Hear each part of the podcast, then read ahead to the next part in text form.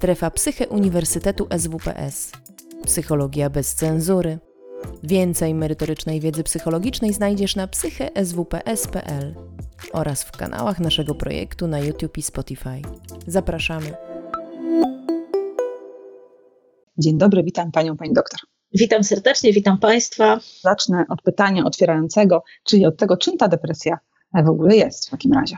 Depresja to jest takie zaburzenie neurobiologiczne, które mając specyficzne objawy, może wynikać e, z różnych naszych przyczyn współdziałających, czyli psychologicznych, biologicznych, takich życiowych, ale również na przykład e, może wynikać na przykład z dużego obciążenia stresem. Myśląc o depresji, trochę myślimy o takich modelach biopsychospołecznych.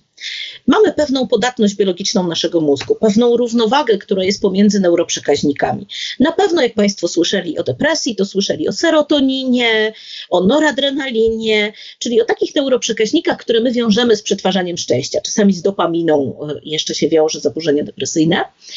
I teraz, jeżeli my sobie pomyślimy o mózgu jako o czymś takim, co jest pełne różnych połączeń, e, te połączenia są dynamiczne, neuroprzekaźniki e, działają jak taki swoisty koktajl, to pewna nasza podatność biologiczna, nasza wrażliwość genetyczna na depresję, to jest taka baza, w której w tymże mózgu później kształtuje się nasz sposób myślenia. I tą podatność biologiczną my później jakby uzupełniamy tym, co się z nami dzieje. Czyli na przykład y, tworzymy różne myśli o świecie, zbieramy doświadczenia związane ze stratą, które powodują w nas smutek. Ten smutek później wpisuje się w mechanizmy przetwarzania w ośrodkowym układzie nerwowym. Na przykład osoby depresyjne stosują taki sposób radzenia sobie z emocjami, z myśleniem, który my nazywamy ruminacjami. Przypominają sobie różne zdarzenia i osoby depresyjne najczęściej przypominają sobie zdarzenia o takiej negatywnej treści związane ze smutkiem. I zaczynają myśleć o tym smutku, potem przypomina im się następne smutne zdarzenie, znowu następne smutne zdarzenie, i mózg aktywuje jakby cały taki system przetwarzania y, emocjonalnego, w którym łatwiej zwraca uwagę na negatywne zdarzenia z dnia codziennego niż na pozytywne. I to na poziomie neurobiologicznym staje się pewnym wzorcem, pewnym wzorcem zachowania pewnym sposobem na myślenie. Tworzą nam się takie myśli i przekonania, które wchodzimy, popełniliśmy w jakiejś pracy błąd, siadamy do domu, w domu przy herbacie, wchodzimy do domu, siadamy przy herbacie i osoba bez depresji, a myśli, popełniłam błąd, coś trzeba z tym zrobić, albo przestaje o tym myśleć, a osoba z depresją przypomina sobie ten błąd, zaczyna myśleć, gdzie zawiniła, co zrobiła źle, zaczyna czuć się coraz gorzej. Mhm, często mówi się o tym triada depresyjna beka. To się mówi o trzech przekonaniach, o mhm. negatywnych przekonaniach o sobie, mhm. o otaczającym nas świecie i o przyszłości. Osoba z depresją często ma takie mechanizmy jak wzmożone poczucie beznadziejności, czyli nie wierzy, że ten stan może się zmienić, że ten stan może w krótkim czasie czy w łatwy sposób być naprawiony. Nie widzi drogi wyjścia z tego, jak się czuje, co, co jej dolega. Depresja to też objawy somatyczne, mhm. to też bezsenność, to spadek lub wzmożenie apetytu, e, to różne dolegliwości somatyczne, często odczuwane przez pacjenta, to ogromna męczliwość i y, to również taka wrażliwość na bodźce płynące z otoczenia, y, które częściej się właśnie interpretuje, podobnie jak w zaburzeniach lękowych, które zresztą często współwystępują w depresji, jako coś, co jest zagrażające, potwierdzające nam jakby te przekonania. Jeden z badaczy, y, Adrian Wells, mówił o tym, że taki syndrom poznawczo-uwagowy nam się uruchamia, że włączamy taki negatywny filtr i mhm. wyszukujemy w otoczeniu, osoby z depresją wyszukują w otoczeniu e, te wszystkie zdarzenia, które potwierdzą ten styl myślenia. Myśląc o depresji, myślimy o chorobie. E, o chorobie, która dotyka układ nerwowy, ale nie tylko na poziomie biologii, ale również na poziomie tego, co myślimy, czujemy. Takie charakterystyczne objawy depresji to również smutek, mhm. wzmożone poczucie lęku, czasami duża drażliwość, trudność w podejmowaniu aktywności w zależności od stanu i od nasilenia depresji, albo bardzo mała, albo bardzo duża. Dla osób z depresją czasami bardzo trudnym zadaniem jest wstanie i ubranie się rano. To, co nam się nie wydaje możliwe, żeby było tak duże zmęczenie, że trudno usiąść. Każda mhm. czynność to jest ogromny wysiłek. A problemy z pamięcią? Czy możemy też zauważyć Oczywiście. poznawcze właśnie takie kłopoty? Oczywiście. Najczęściej pierwszym objawem są zaburzenia koncentracji uwagi, czyli trudność i łatwe rozpraszanie się, związane i zarówno z tym biologicznym mechanizmem, czyli z tymi neuroprzekaźnikami, które nie działają właściwie i jakby powodują takie duże osłabienie, myślenie i trudności w powiązaniu faktów, ale też mhm. właśnie męczliwość, rozpraszalność uwagi, ale również ten mechanizm ruminacji, przypominania sobie stale tych negatywnych rzeczy, one tak jakby zalewają pacjenta depresyjnego. Przychodzą stale do jego głowy i to powoduje, że trudno myśleć o czymkolwiek dobrym. Osoby depresyjne, w odróżnieniu od osób z zaburzeniami lękowymi, rzadko mają ulgę w ciągu dnia. Co prawda, w cięższych postaciach depresji najtrudniejsze są ranki i wstanie, i później zwykle w ciągu dnia te objawy się zmieniają ale dla osoby depresyjnej ten stan permanentnego smutku, braku siły, trudności w zebraniu myśli, to jest coś, co jest bardzo charakterystyczne. A w takim razie skoncentrujmy się teraz na objawach somatycznych, które mogą towarzyszyć depresji, bo taki jest temat dzisiejszego naszego spotkania. Czy to już depresja, czy jeszcze nie? E, jeśli chodzi o zaburzenie depresyjne, to ono, jakbyśmy mieli spojrzeć na relację między depresją a stanem somatycznym pacjenta, to możemy sobie popatrzeć na trzy takie aspekty. Jeden to są zaburzenia depresyjne wynikające z chorób somatycznych, czy mm, choroby somatyczne, które udają depresję, to byłoby drugie. Mhm. A trzecie zjawisko y, to są objawy fizjologiczne, które mogą towarzyszyć depresji czy innym zaburzeniom psychicznym.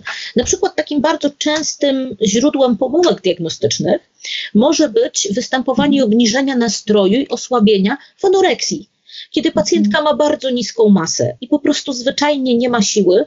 Czasami rozpoznajemy jednoczasowo i zaburzenie depresyjne i anoreksję, ale objawy depresyjne wyraźnie zmniejszają się po poprawieniu y, stanu odżywienia pacjentki, gdzie po prostu mhm. organizm oszczędza wszystkie wydatki na przetrwanie. Czyli nie ma się wtedy siły na kolejne zadanie, nie ma siły podejść do niczego, bo jakby organizm jest skupiony na bezpośrednim przetrwaniu, nie wydatkuje już na nic innego, na myślenie, na wstanie, na czynności różne. Rozumiem. Mhm. I to jest jeden z takich objawów. Mamy objawy y, różnych dolegliwości bólowych. I tutaj czasami mamy takie wrażenie, że to działa w dwie strony. Czasami mamy pacjentów z niezidentyfikowanymi dolegliwościami, z bólami, z męczliwością, bólami mięśni rano. I dawniej y, medycyna bardzo często przypisywała temu dolegliwości pod tytułem somatyzacja w depresji. A to bóle głowy, a to bóle brzucha. Y, często na przykład w oddziałach ratunkowych tacy nawracający pacjenci słyszeli, że muszą pójść do psychologa. Kiedyś to nazywano neurastenią, bo mają taki typ. My dzisiaj coraz częściej wiemy, że różne bakterie, wirusy, to nam też również pandemia związana z COVID-19 pokazuje, wywołują stany u pacjenta, które my nazywamy zespołem przewlekłego zmęczenia, mhm. które są odpowiedzią na infekcję wirusową związaną z wydzielaniem interleukin y, i tak jakby mm, te mediatory stanu zapalnego powodują, że y, właśnie pojawiają się dolegliwości w bóle mięśni, duże osłabienie, trudność w podejmowaniu czynności, które bardzo imitują objawy depresji, które mogą się to nakładać. Jest, to jest to, co może przy, udawać depresję, tak? Weźmy tak. tak coś, co, co może więcej, wyglądać jak depresja, ale... Co więcej, jeżeli taki stan trwa długo, to u pacjenta, który na przykład był rzutki, energiczny, coraz częściej pojawia się myślenie, nie potrafisz, nie umiesz, nie możesz sprostać swoim wymaganiom, w związku z tym jego nastrój dodatkowo, oprócz tych objawów i tej biologii, dodatkowo się obniża. I w pewnym momencie my już nie jesteśmy w stanie rozróżnić, czy to są bardziej objawy zespołu przewlekłego zmęczenia, czy to są bardziej objawy depresyjne. A to jest też bardzo ważne, o czym mówi pani doktor, dlatego że mamy taką tendencję mm, do szybkiego przepisywania różnym objawom bólowym znaczenia psychosomatycznego. To somatyka, to psychosomatyczne, to z nerwów się dzieje. I y, jest taka zasada, że najpierw ciało, a potem dopiero psychika. I często pomijamy tak, i myślę, sobie, że, i myślę sobie, że to jest bardzo ważne. Zwłaszcza w Polsce, gdzie mamy bardzo duże mhm. niedobory witaminy D. Mhm. E, I gdzie bardzo dużo osób z niedoborem witaminy D i z niedoborem żelaza, co dotyczy zwykle kobiet w okresie rozrodczym, kiedy my żelazo tracimy e, w cyklu miesięcznym. Mhm. E, gdzie mm, te niedobory nieuzupełniane prowadzą do osłabienia, trudności w koncentracji, zaburzeń snu, czyli tych wszystkich objawów, które bardzo łatwo pomylić z depresją. E, człowiek z depresją blady, niewstający i człowiek z anemią skrajną będą wyglądali dość podobnie. No może śluzówki mm. trochę się będą różniły, ale to już w skrajnych postaciach anemii. Natomiast te wszystkie somatyczne rzeczy są podstawą. Czyli każdy pacjent z depresją powinien mieć zrobione podstawowe badania i być obejrzany przez internistę, zanim jego stan będziemy przypisywali zaburzeniom depresyjnym. Bo E, z takich chorób, oprócz zespołu przewlekłego zmęczenia, który udaje depresję, my również mamy całą tak jakby grupę chorób reumatycznych i mięśniowych, które potrafią udawać zespoły depresyjne. Na mhm. przykład taką sztandarową chorobą jest toczeń układowy, e, gdzie pacjentki bardzo często cierpią z powodu choroby afektywnej, mają rozpoznawaną chorobę afektywną dwubiegunową, czyli depresję z manią mhm. czasami, czasami mają zespoły psychotyczne, a objawy te jakby ustępują nie pod wpływem leków przeciwdepresyjnych czy stabilizujących nastrój, a w trakcie adekwatnego leczenia choroby podstawowej, jaką jest toczeń, y, lekami immunosupresyjnymi czy sterydami. I tu też się zaczyna znowu mechanizm błędnego koła trochę, ponieważ część leków stosowanych w leczeniu tych chorób, mhm. na przykład sterydy, kortykosteroidy, mogą powodować nasilanie się objawów depresyjnych. Mhm. I mm, jakby tak przyjrzeć się, to właśnie choroby tkanki łącznej i choroby reumatyczne to byłyby, to byliby tacy główni winowajcy y, zaburzeń depresyjnych, gdyż y, to są choroby, które często przebiegają z przewlekłym bólem. Mhm. A przewlekły ból i ograniczenia sprawności neurologicznej to są jakby takie częste czynniki biologiczne, które nas predysponują do myślenia o świecie, że ja nie potrafię. Jest taka grupa osób, które też sprawiają wrażenie bardzo depresyjne, mają mimiczną twarz, wyglądają na smutne, trudno im się ruszyć, a kiedy się już ruszają, to dość specyficznie. Trudno im zacząć ruch, czasem drży im ręka. Mówię tu o osobach z chorobą Parkinsona, u których y, objawy depresyjne występują bardzo często i objawy lękowe. I uważa się, że jest to zarówno w wyniku tego, że jest to dość duże upośledzenie sprawności pacjenta, jak i z powodów biologicznych. I leczenie właściwe tej choroby podstawowej zmniejsza ilość zaburzeń depresyjnych, zwłaszcza, że mm, osoby takie w młodszym wieku, jak i w starszym, które doświadczają dużego ograniczenia. No wyobraźmy sobie, że nie możemy zmusić ciała, żeby wykonało ruch tak, jak zaplanowaliśmy, mhm. tylko ono niewłaściwie generuje. Y, próbujemy nabierać powietrza, mamy sztywne wszystkie mięśnie, mamy wrażenie, że zaraz się udusimy i taki stan trwa godzinami przez ileś tygodni, miesięcy, a jeszcze często ci pacjenci doświadczają pogorszenia stanu ogólnego to bardzo często zaburzenie depresyjne towarzyszy tym objawom. Może być ich częścią składową, ale też często jest towarzyszem.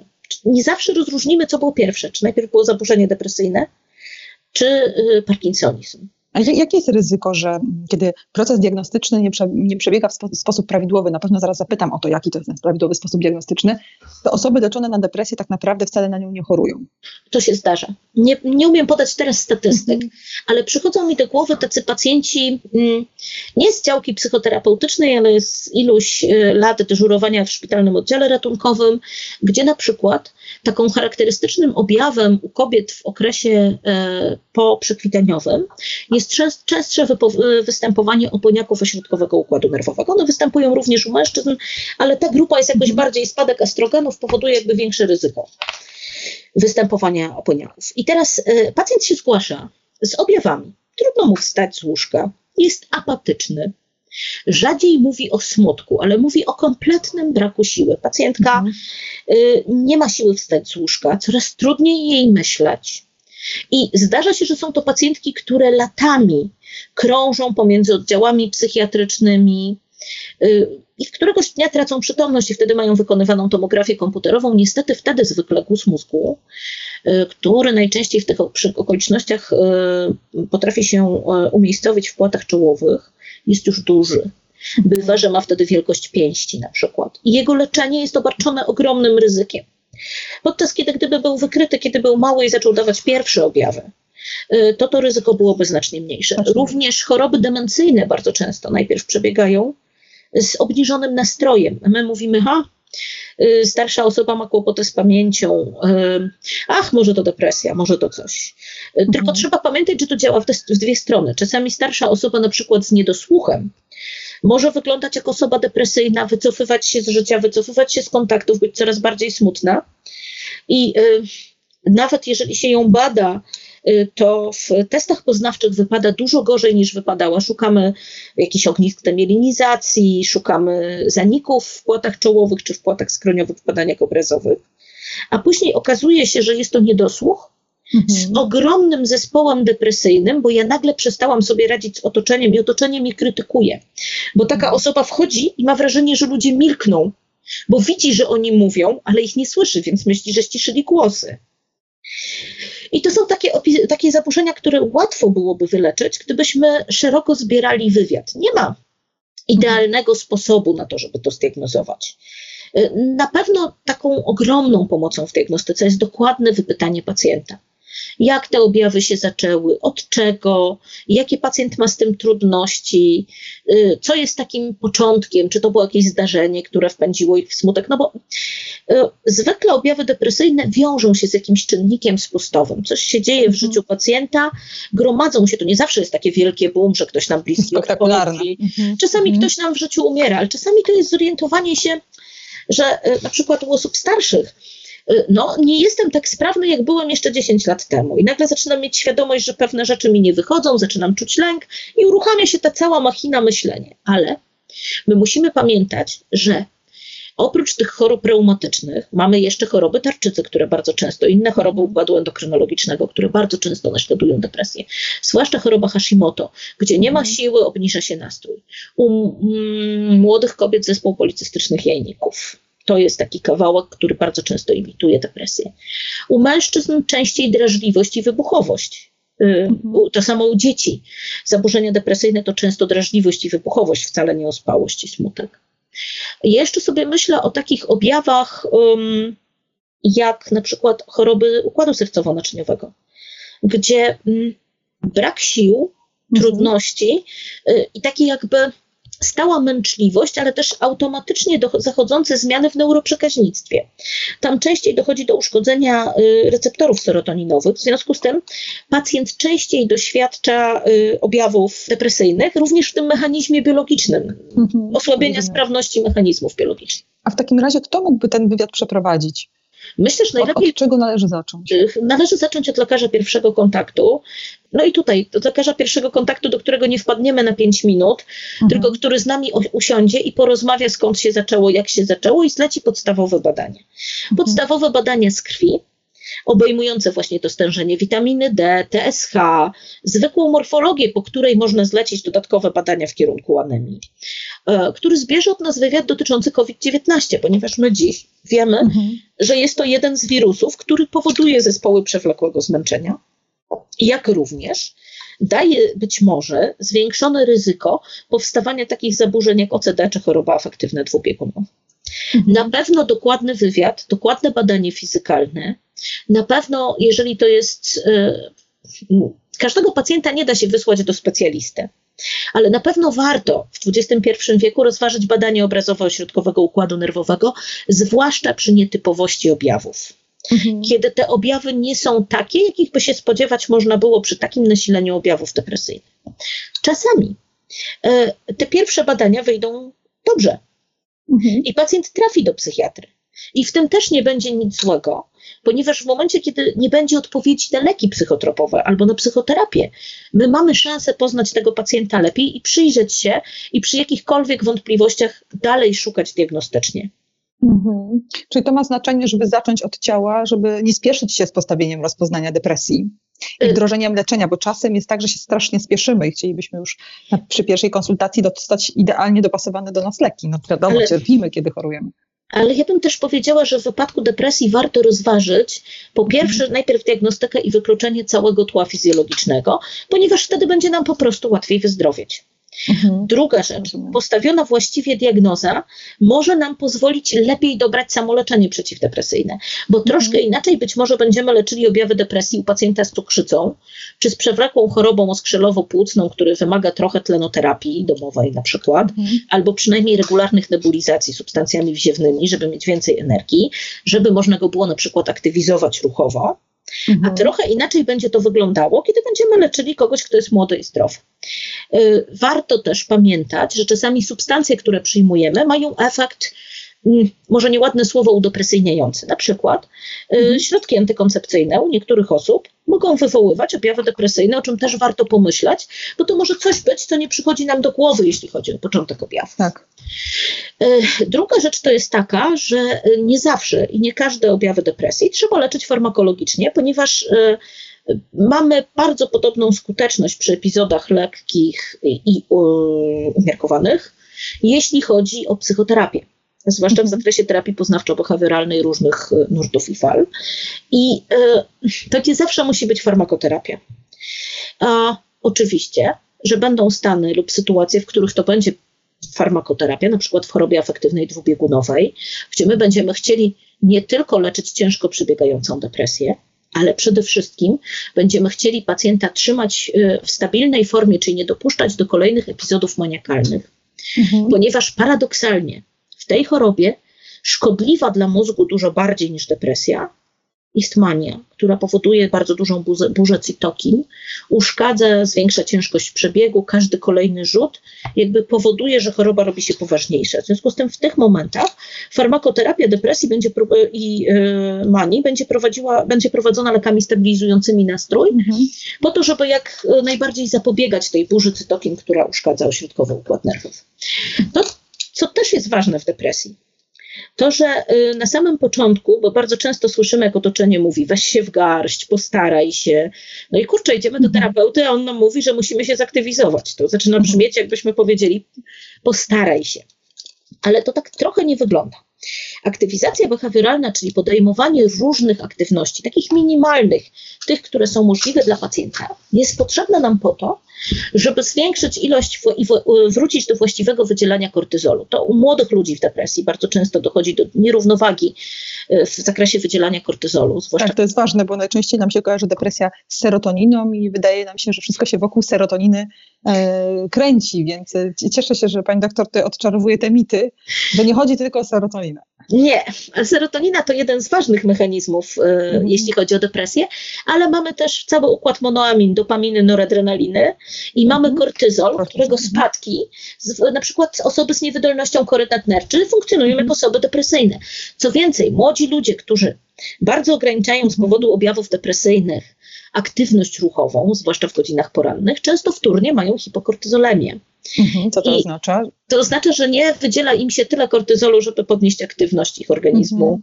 we właściwy sposób, czyli nie mają napędu, krótko rzecz ujmując, trudno im się zebrać rano, jeszcze bardziej. Czyli tak jakby mhm. do objawów depresji dołącza się wtórnie objaw endokrynologiczny. Czyli w tej, w tej, pracy nad depresją nie chodzi tylko o to, żeby, e, żeby ciągle do, dostarczać sobie takich warunków, które nas zupełnie nie mobilizują. Nie, wręcz przeciwnie, chodzi -huh. o to, mhm. żeby podejmować małe żeby wysiłki. Podejmować. Kortyzol, hormon stresu. To, Kortyzol, hormon stresu, tak jest. Wydzielany przez nadnercza, tak. Tak jest. I to hormon, który powoduje naszą aktywność. My o nim mówimy mhm. hormon stresu, ale to jest taki hormon, który sprawia, że my teraz o tej godzinie jesteśmy w stanie rozmawiać, mamy mhm. zborne myśli, nie rozpraszamy się nadmiernie. Jego właściwe wydzielanie między innymi bierze udział w regulacji rytmu sen, czuwanie. On się mhm. również wydziela we właściwych ilościach, kiedy my na przykład ruchową aktywność podejmujemy, to nie tylko wtedy, kiedy do walki i ucieczki, ale również do takich aktywności dnia codziennego. Jeżeli pacjent z depresją do tej pory był w stanie biec w maratonie, mhm robić e, rzeczy ze swojego notatniczka, w którym miał wypełniony między czwartą a dwudziestą trzecią wieczorem i parę mhm. godzin na sen i potem znowu czwarta. E, I przychodzą, na niego, do, przychodzą do niego objawy apatii, trudności z wstaniem, mhm. no to każdy dzień mu pokazuje, jak bardzo nie potrafi. Bo jednym z takich współczesnych mechanizmów napędzających depresję jest perfekcjonizm również. Mhm. Zdecydowanie. Mam wysoki standard, któremu muszę dorównać. Mechanizmy już dawno powiedziały, tak się nie da. Mhm. Wszystkie trybiki krzyczą, tak się nie da. I teraz im bardziej pacjent miał taki grafik, tym bardziej ta sytuacja, kiedy nie ma siły wstać, jest taką ogromną przepaścią. I mhm. wtedy my tego pacjenta nie przywracamy do tego grafiku. Tak. Tylko prosimy pacjenta, żeby spróbował najpierw trochę usiąść w ciągu dnia, ubrać się, zrobić sobie samodzielnie herbatę, y, wyjść na bardzo krótki spacer, pomóc w kuchni, ale to nie oznacza zrobienia trzydniowego obiadu, a czasami mhm. włączenie się w pokrojenie drobnych rzeczy. To jest bardzo trudne dla otoczenia osoby z depresją, że nie ma całkowicie wyręczyć, ale ma pomóc i zachęcić, spróbuj. Mały, drobny wysiłek. Mhm. Druga rzecz, która jest bardzo ważna, fajnie, żeby na tej liście różnych aktywności znalazły się rzeczy, które sprawią, że będzie nam miło. Depresja jest taką oszustką, która nam wszystkie nasze zainteresowania, rzeczy, które sprawiały przyjemność, mhm. Y, mówi, że to już jest nieważne. Że w życiu to się nie liczy.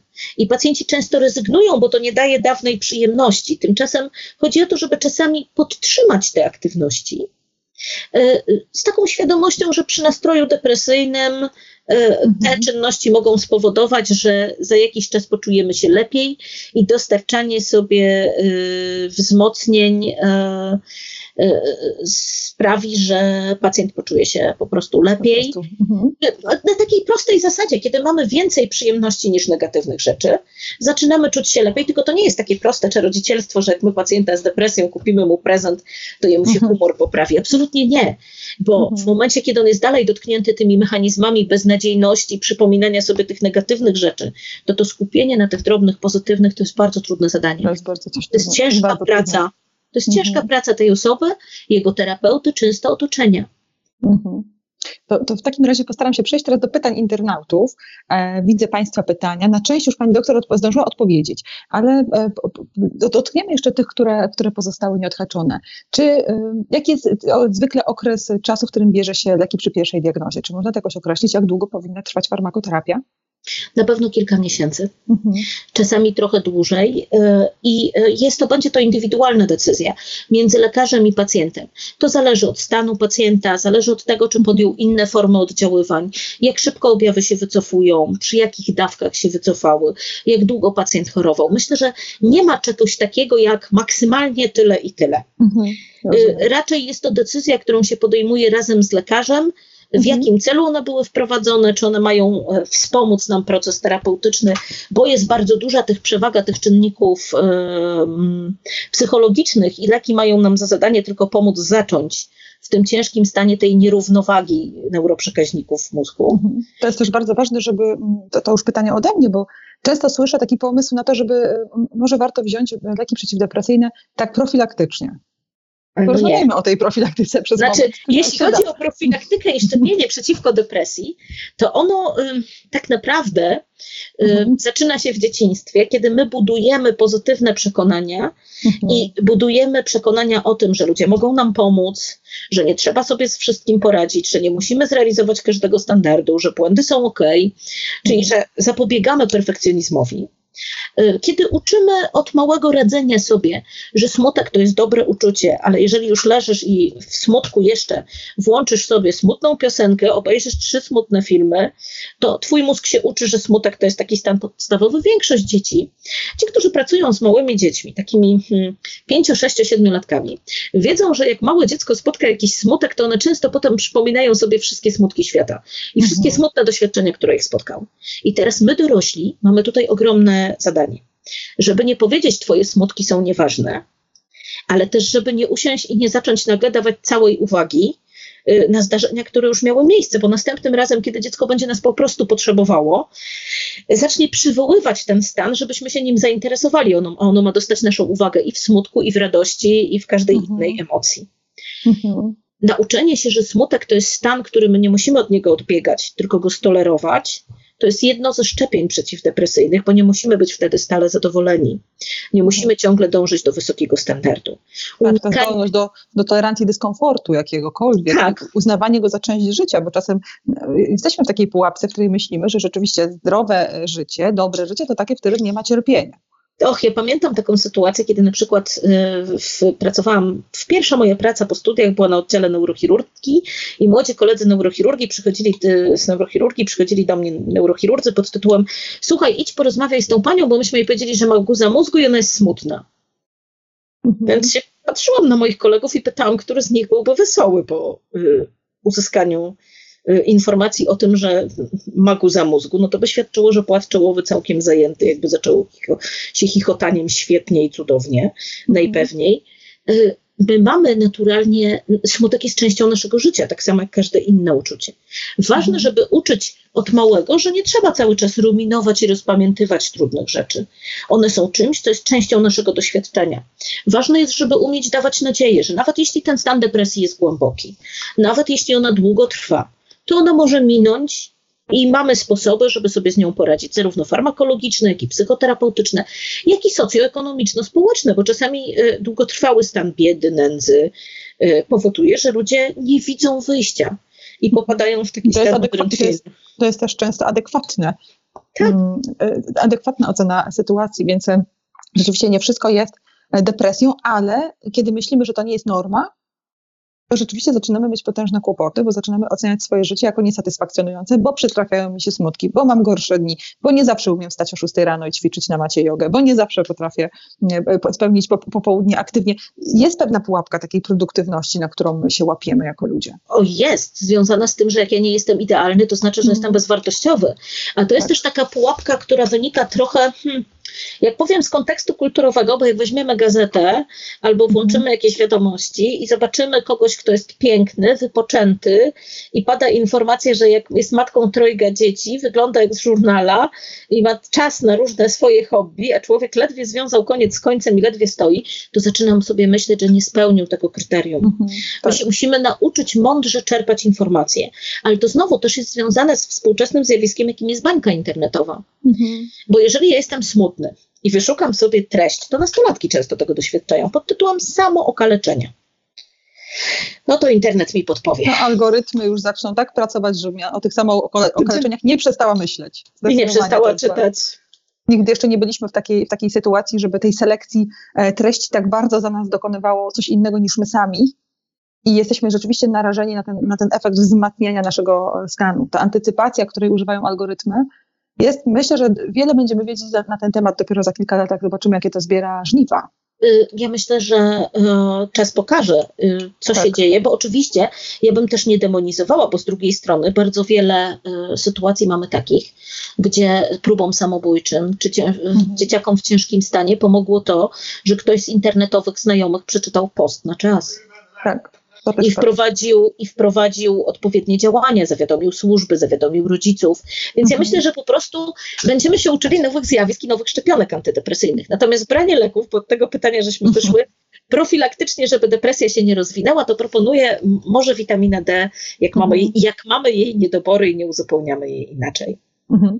Dobrze, więc internecie, w internecie jeszcze, internauci, przepraszam, jeszcze pytają o to, czy w ciąży można skutecznie leczyć depresję. Myślę, że to jest ważne dla wielu kobiet, które, które w ciąży są i mogą się bać. Tak. I myślę, że wtedy znowu będzie to indywidualna decyzja podejmowana razem z mhm. lekarzem. E, w ogóle okres ciąży, e, połogu to jest okres występowania takiej specyficznej odmiany depresji, o której się mówi depresja e, poporodowa, a tak mhm. naprawdę ona powinna być okołoporodowa. Około ona czasami się zaczyna mhm. wcześniej, czasami się zaczyna trochę później. E, fizjologiczna często. To, to tak, ale jeżeli to będzie stan fizjologiczny, to my wtedy nie nazwiemy jej chorobą. Natomiast jeżeli ona mhm. zacznie utrudniać funkcjonowanie osoby z depresją, jeżeli ta osoba będzie miała myśli samobójcze, dużą drażliwość związaną z dzieckiem, będzie miała trudności w sprawowaniu opieki, czy będzie wymagała wsparcia czy nadzoru w sprawowaniu opieki nad dzieckiem, to wtedy y, my będziemy podejmowali za każdym razem te decyzje indywidualnie. Czasami wystarczy psychoterapia, wsparcie, opieka rodziny, mądre zaplanowanie, na pewno nie odstawia się leków na czas ciąży w chorobie afektywnej dwubiegunowej, tylko ustawia się na bezpieczniejszych, mhm. znaczy wybiera się te, które są bardziej bezpieczne, lepiej przebadane, jeśli chodzi o ich wpływ na ciążę. Mhm. Na pewno też, jeśli chodzi o włączenie leków, czasami się to robi. Dlatego, że jeżeli pacjent jest w bardzo złym stanie psychicznym i jego stan naprawdę zaczyna się pogarszać do tego stopnia, że człowiek nie dba o swoje potrzeby, nie może funkcjonować, to wtedy y, leczenie bywa mniejszą szkodą niż y, zaniechanie leczenia. Mówię tu o czystej farmakologii i myślę, że to nie jest y, teraz czas i miejsce mówić, które leki, bo to musi być zawsze indywidualna decyzja lekarza, pacjentki, omówienie wszystkich zysków i strat, ale mhm. oczywiście skutecznie można leczyć depresję w ciąży, nie należy się tego bać. Y, I na pewno warto leczyć depresję w ciąży, leczyć depresję u osób z chorobami somatycznymi, leczyć depresję u osób z chorobą nowotworową, której A też warto jest... leczyć depresję y, w późnym wieku y, dojrzałym. Oczywiście. Czasem ludzie myślą, że nie, no to po 80 Ależ, to się nie leczy depresji, to Ależ, naturalne, że ten ktoś nie ma siły, bo jest już w takim wieku, że nie ma prawa mieć siły. Jak człowiek nie ma siły, to może mieć w wieku starszym bardzo różne przyczyny tego braku siły. Najczęstszą jest odwodnienie albo nieadekwatna podaż e, płynów i jedzenia, ponieważ wraz z wiekiem nasz ośrodek pragnienia trochę nam płota figli i my nie dostarczamy sobie tyle wody, ile powinniśmy. Mhm. Mówię o takich bardzo starszych osobach, które dobrze funkcjonują. Wiecie Państwo, w dzisiejszych czasach hasło staruszek to jest hasło, mhm. które mm, wiąże się czasami z kimś bardzo aktywnym, uprawiającym sport, obeznanym i biegłym w sieci komputerowej y, i nie przypomina y, osoba w wieku starszym, powyżej 80 roku życia, to może być ktoś równie sprawny jak osoba młoda. Mhm. I u tych osób leczymy zarówno zaburzenia otępienne, jak i zaburzenia depresyjne, ponieważ to pogarsza ich jakość życia. Co więcej, udokumentowano, że są to osoby równie aktywnie i skutecznie korzystające z psychoterapii, zarówno poznawczo-behawioralnych, znowu wszystkich nurtów. Ja tu nie chcę żadnego konkretnego protokołu y, wyznaczać, ale również często y, korzystające z zmian behawioralnych w swoim życiu, czyli z podjęcia jakichś dodatkowych aktywności, które im wcześniej nie przyszły do głowy, z odkrywania różnych rzeczy, które sprawiają im przyjemność. Stąd wszystkie kluby seniora, pomysły na rozwijanie zainteresowań, uniwersytety trzeciego wieku po to, żeby dostarczać nam pozytywnych bodźców. Zrobiono... No to jest ważne na każdym etapie naszego życia. Oczywiście, ale zrobiono takie badania, one dotyczyły pracy nie z psychoterapeutą, tylko z wpływu osamotnienia y, i trudności takich y, socjoekonomicznych, ale nie w znaczeniu braku finansów, ale na przykład trudności w wyjściu, zrobieniu zakupów na funkcjonowanie.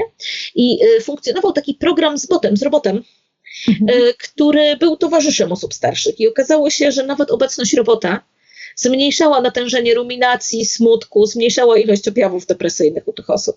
Mm, robot, robot, który jest bez cudzysłów, bezduszny, który tylko zadawał pytanie, co u ciebie słychać rano, jak się dzisiaj czujesz. Jakie to ma potężne znaczenie. To jeszcze pozwolę sobie zadać jedno pytanie od internautów, jaki jest związek depresji z Hashimoto, takie na koniec, zanim zapytam o literaturę.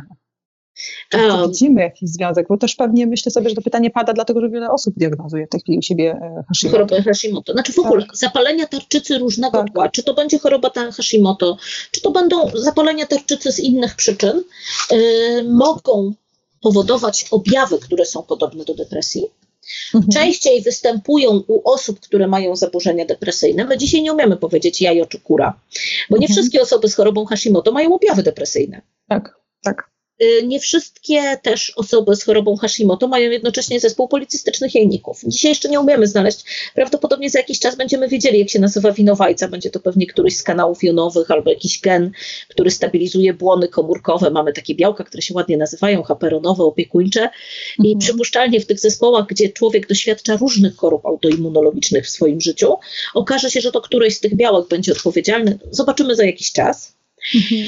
Y, natomiast y, czasami diagnozujemy wtedy objawy depresji. Jeżeli te objawy przekraczają takie standardowo w chorobie Hashimoto i my wyrównamy stan y, hormonów tarczycy, bo niedobór hormonów tarczycy daje objawy dokładnie takie same jak zaburzenia depresyjnego. Ale mhm. po wyrównaniu stanu te objawy depresji powinny mijać. Jeżeli to jest natomiast nałożenie się dwóch objawów, to one nie miną. Mhm. Jeśli chodzi o literaturę, hmm, całe mhm. mnóstwo. Znaczy, od takiej fachowej, gdzie możemy przede wszystkim znaleźć ją w nowych publikacjach y, naukowych, poprzez Google Scholar, gdzie tych informacji jest bardzo dużo i one wnoszą, y, każdego miesiąca ukazuje się ich kilkanaście tysięcy dotyczących zaburzeń afektywnych, czyli przeżywania depresji. I to zarówno w czasopismach psychologicznych dotyczących y, mm, dzieci, młodzieży, dorosłych, jak i w czasopismach medycznych dotyczących neuronalnych mechanizmów. Jakiś poradnik, jakiś poradnik, po który może sięgnąć ktoś, kto nie ma tak e, szerokiej e, wiedzy a ja sobie tak pokąt, A ja sobie tak pokątnie powiem, że jest taki podręcznik psychoterapii poznawczo-behawioralnej, który się nazywa Umysł ponad nastrojem. Tak, tak. I jest, takim, jest taką klasyką gatunku terapii poznawczo-behawioralnej. I który, to, to bym powiedziała, że mogłoby być szczepionką, zanim powstanie depresja, mhm. E, gdyby skorzystać z takiego metodycznego przyglądania się, co mi robią moje myśli. Mhm. Czyli jak ja sobie siądę i pomyślę sobie o moim dniu, tak globalnie, był fatalny, to ja się będę czuła lepiej, czy jak ja sobie pomyślę, no dobra, rano zrobiłam to, to, to i to, to było ok. Po południu miałam fatalne 15 minut, ale to nie oznacza, że dzień był fatalny. To jest zniekształcenie poznawcze. Założyłam negatywny filtr. Mhm. To jeżeli ja się nauczę tak patrzeć na to, co się ze mną dzieje, jeżeli ja się nauczę rozpoznawać, że być może. No, takie chyba też wyuczone automatyczne sposoby przetwarzania rzeczywistości, bo to jest... To, jest, e, to stare nasze przysłowie, znaczy taki stary przykład, czy szklanka jest pełna, czy pusta. Tak. Tak. I zawsze tutaj jest taki też ważny aspekt, bo my często zapominamy o jeszcze jednej grupie pacjentów. Ja myślę, że to jest bardzo ważna rzecz, chociaż nie do końca na pytanie. Zapominamy o pacjentach nieneurotypowych, mhm. u których do zaburzeń depresyjnych dochodzi znacznie częściej w tym również do poważnych ich powikłań, jakimi są próby samobójcze. To jest pewnie związane też z tym, że świat nie jest zbudowany w taki sposób. Że więcej, tak, mhm, ale również. Z neuroróżnorodnymi. Tak, ale również z tym, że czasami w tej neuroróżnorodności dochodzi do uszkodzenia neuronalnych mechanizmów mhm. regulacji nastroju. I to jest taka grupa osób, u których musimy być czujni na, e, Szczególnie czujni. na jeśli chodzi o negatywny sposób myślenia o świecie, kiedy się nasila. E, kiedy e, zaczynają mieć myśli samobójcze. W ogóle e, to, co, czym jest kluczem, co jest kluczem do każdego działania w depresji, to jest sprawianie, żeby pacjent najpierw był bezpieczny, żeby mhm. ustrzec go przed stanem, kiedy nie widzi już w ramach choroby żadnego innego rozwiązania niż śmierć. Bo to jest najpoważniejsze powikłanie depresji, ale również tych stanów biologicznych związanych z mm, różnymi chorobami, czy to neurologicznymi, E, czy to somatycznymi, gdzie pacjent doświadczając dolegliwości i trudności, tak jakby włączał mózg na program, kiedy zawęża uwagę już tylko do myśli o śmierci. Mhm. Całe nasze działanie wtedy medyczne, leki, oddziaływanie szpitalne, rodzina, wszystkie ręce na pokład, bo jak pacjent przeżyje ten okres, to ma bardzo duże szanse na dobre życie. Natomiast mhm. trzeba pamiętać, że jest to choroba, która zbiera co roku bardzo poważne żniwo, jeśli chodzi o śmierć przedwczesną, z powodu targnięcia się na własne życie, bo nie widzę innego rozwiązania mojego problemu i w zasadzie wszystkie moje myśli kręcą się wokół cierpienia i ulgi w cierpieniu. I y, to jest taki stan, gdzie wszystko, co robimy, musi sprawić, że my będziemy pokazywali pacjentowi, że jest nadzieja.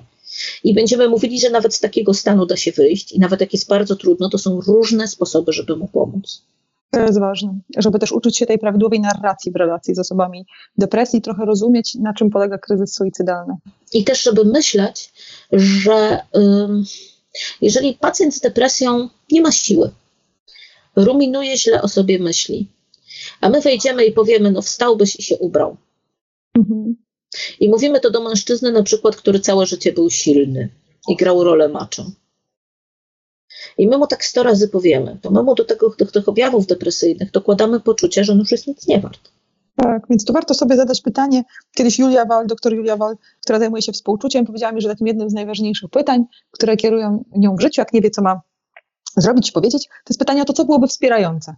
I to jest takie dobre pytanie, od którego można zaczynać różne interwencje z siatki społecznej, jeżeli chcemy być w cudzej siatce społecznej. To co, co, co byłoby wspierające? Czy to, co robię, jest wspierające? To czy, to ci, czy to ci pomoże teraz wstać z łóżka i poczuć się tak. przez trzy minuty lepiej? Tak. Czy tak. przez minutę trochę mniej smutno? Tak. I e, ze świadomością, że pacjent e, z depresją może sobie nie wyobrażać dziś, e, że za chwilę będzie się czuł dobrze. Mhm.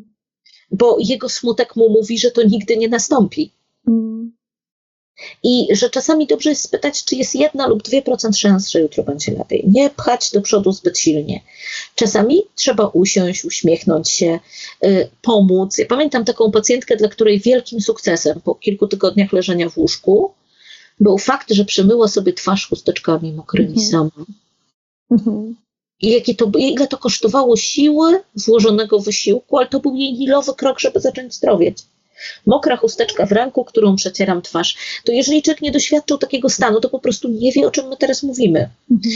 I też dobrze jest powiedzieć, nie do końca mogę zrozumieć, co przeżywasz, ale chcę i się staram. Mhm. Chcę móc ci pomóc. Jeżeli tylko widzisz jakiś sposób, w którym mogę ci przynieść ulgę, powiedz. Tak, to jest ważne, że też możemy zapytać, że jeżeli nie wiemy, co powiedzieć, jak pomóc, możemy zapytać. Mhm. Mhm. Tak myślę. I tym, I tym akcentem zbliżamy się w takim razie do końca. Dziękuję pani, pani doktor za wyczerpujący wykład. Dzisiaj rozmawiałyśmy o depresji, o tym depresja czy coś innego, o tym jak choroby somatyczne przypominają depresję, a moją gościnią była dr Magdalena Skotnicka-Haberek. Dziękuję. Dziękuję.